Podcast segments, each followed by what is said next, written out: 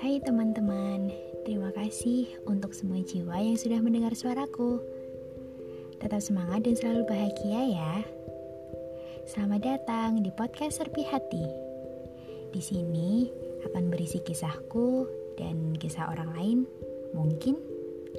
Tapi yang pasti, kisah ini yang akan menemani kalian untuk bangkit, tumbuh, dan menguat bersama.